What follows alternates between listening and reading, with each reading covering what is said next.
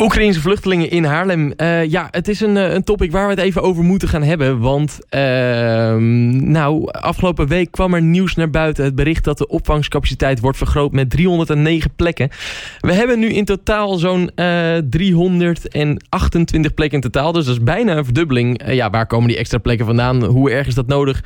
We hebben er vandaag over met onze burgemeester Jos Wiene. Meneer Wiene, goedenavond. Goedenavond. Goedenavond. In totaal moet in de regio Kennemerland, uh, waar wij natuurlijk wonen...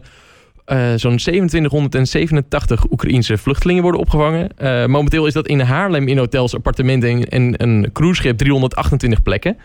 Nu wordt het met 309 plekken verhoogd met drie extra locaties. Bijna een verdubbeling zoals ik net zei.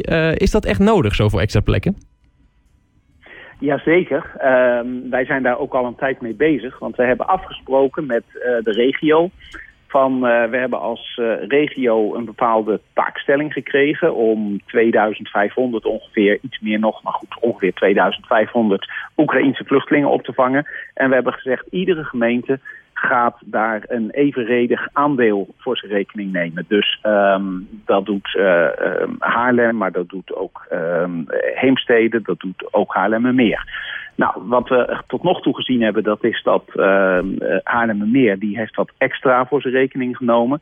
En andere gemeenten die bleven daar wat bij achter, ook Haarlem. En uh, we wisten met elkaar dat we nog hard op zoek waren naar extra plekken. En dat gaan we nu invullen met deze locaties. Kijk, want ik zag inderdaad ook in Heemstede... Uh, lijkt het alsof er bijna plekken over zijn. Want althans twee van de vier locaties die momenteel uh, daarvoor bedoeld zijn... zijn in gebruik. Uh, is het dan ook niet mogelijk om juist de asielzoekers uit Ter Apel... ook een beetje daarheen te verhuizen... in plaats van de drie extra locaties in Haarlem? Maar dat moet dus echt evenredig verdeeld zijn per gemeente. Nou, dat is één ding. Maar in de tweede plaats, nu halen we twee groepen door elkaar. Oekraïners gaan niet naar uh, Ter Apel. Dat zijn uh, asielzoekers. En de Oekraïners, die, uh, dat is een aparte opgave. Dus daar hebben gemeenten aparte voorzieningen voor gemaakt. Okay. Dat loopt helemaal niet via het COA, ook niet via Ter Apel.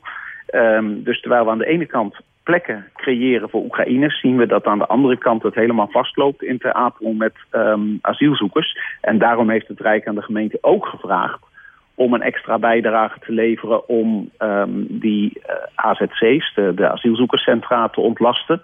En dat kan door extra uh, statushouders die nu nog, dat zijn mensen die in Nederland worden toegelaten en die gewoon gehuisvest moeten worden uiteindelijk in gemeenten, door die uh, extra snel naar gemeenten te laten gaan en daarvoor een soort tijdelijke huisvesting te creëren.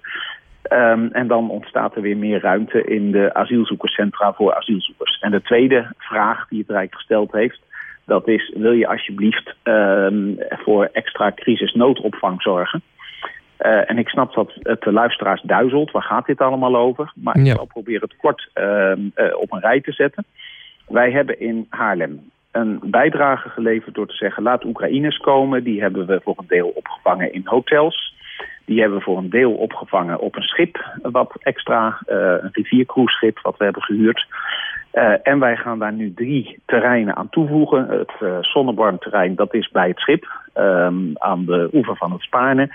Um, daar is aan de andere kant is een bouwterrein. Dat wordt voorlopig niet gebruikt. Dus daar willen we ook Oekraïners huisvesten. Uh, een tweede locatie, dat is een flat, meester Lottelaan, uh, kantoor. En die gaan we tijdelijk inzetten als uh, huisvesting voor Oekraïners. Um, en dat, dat is wat we extra voor Oekraïners in ieder geval gaan doen. Ja. daarnaast um, vangen we ook um, asielzo asielzoekers op, omdat het helemaal vastloopt in Ter Apel. Dat doen we voor een deel op een schip ook. Dus dat is een tweede schip, wat ook ja. in Haarlem ligt. Dat ligt in de Waardepolder. Daar zitten um, asielzoekers. En we hebben ook gezegd van... We hebben nu crisisnoodopvang in de Bijnershal. Ja. Dus daar worden ook honderd mensen opgevangen. Dat is allemaal niet uh, erg uh, luxe en uh, prettig. Maar het is wel een manier om mensen in ieder geval niet op stoeltjes te laten slapen in Ter Apel. Ja, want en, we hadden het net even over die locaties natuurlijk ook um, nou, bij, het, bij het zoals je het al zei, en de ja. Meeselottelaan. Ja. Die zijn natuurlijk nog niet nu gereed. Wanneer kunnen hier de eerste mensen terecht en wat moet hier nog aan gebeuren? Uh, nou, we zijn er nu heel ver mee. Ik verwacht dat op uh, vrij korte termijn in ieder geval zonnebankterrein kan worden ingericht. Want daar komt dan een paviljoen waar mensen kunnen uh, worden gehuisvest. Ehm, en de meeste Lottelaan, daar wordt hard aan gewerkt. Dat kost iets meer tijd. Daar kunnen dan ook Oekraïners terecht. En dan hebben we nog één locatie niet genoemd. Dat is de Laan van Decima. Dus dat is tegen de Waardepolder aan. Bij um, het, het station Spaanwouden. Ja. en daarvan hebben we gezegd van nou... Er wordt gevraagd om extra statushouders hier naar de gemeente te halen. En dat willen wij proberen te doen met wisselwoningen op die locatie. Um, en uh, dan leveren we ook weer een bijdrage waardoor er uh, meer ruimte is voor asielzoekers in de centra die het Rijk daarvoor heeft. Ja. Uh, om, omdat mensen die al een status hebben gekregen dan sneller naar de gemeente kunnen. Dat is wat wij doen. We vangen extra asielzoekers op. We vangen extra Oekraïners op. En we vangen op deze manier ook een aantal statushouders wat eerder op. Maar niet in woningen, maar in een soort tussenvoorziening. Nee, dat, uh, dat kan ik me voorstellen. En um, gaat het nu ook voornamelijk om mensen die uh, al in, bijvoorbeeld in een gastgezin in, in Haarlem of in Heemstede hebben gezeten? Of zijn het juist echt mensen die nog een plek zoeken, die nieuw een plek hebben? Nee, wij hebben voor de Oekraïners gezegd van uh, er zijn twee groepen die met voorrang daar gehuisvest gaan worden. Want de meeste mensen die uit de Oekraïne weggevlucht zijn, die zijn ondertussen al in Nederland. Ja. Die zitten voor een deel op plekken waar ze niet onbeperkt kunnen blijven.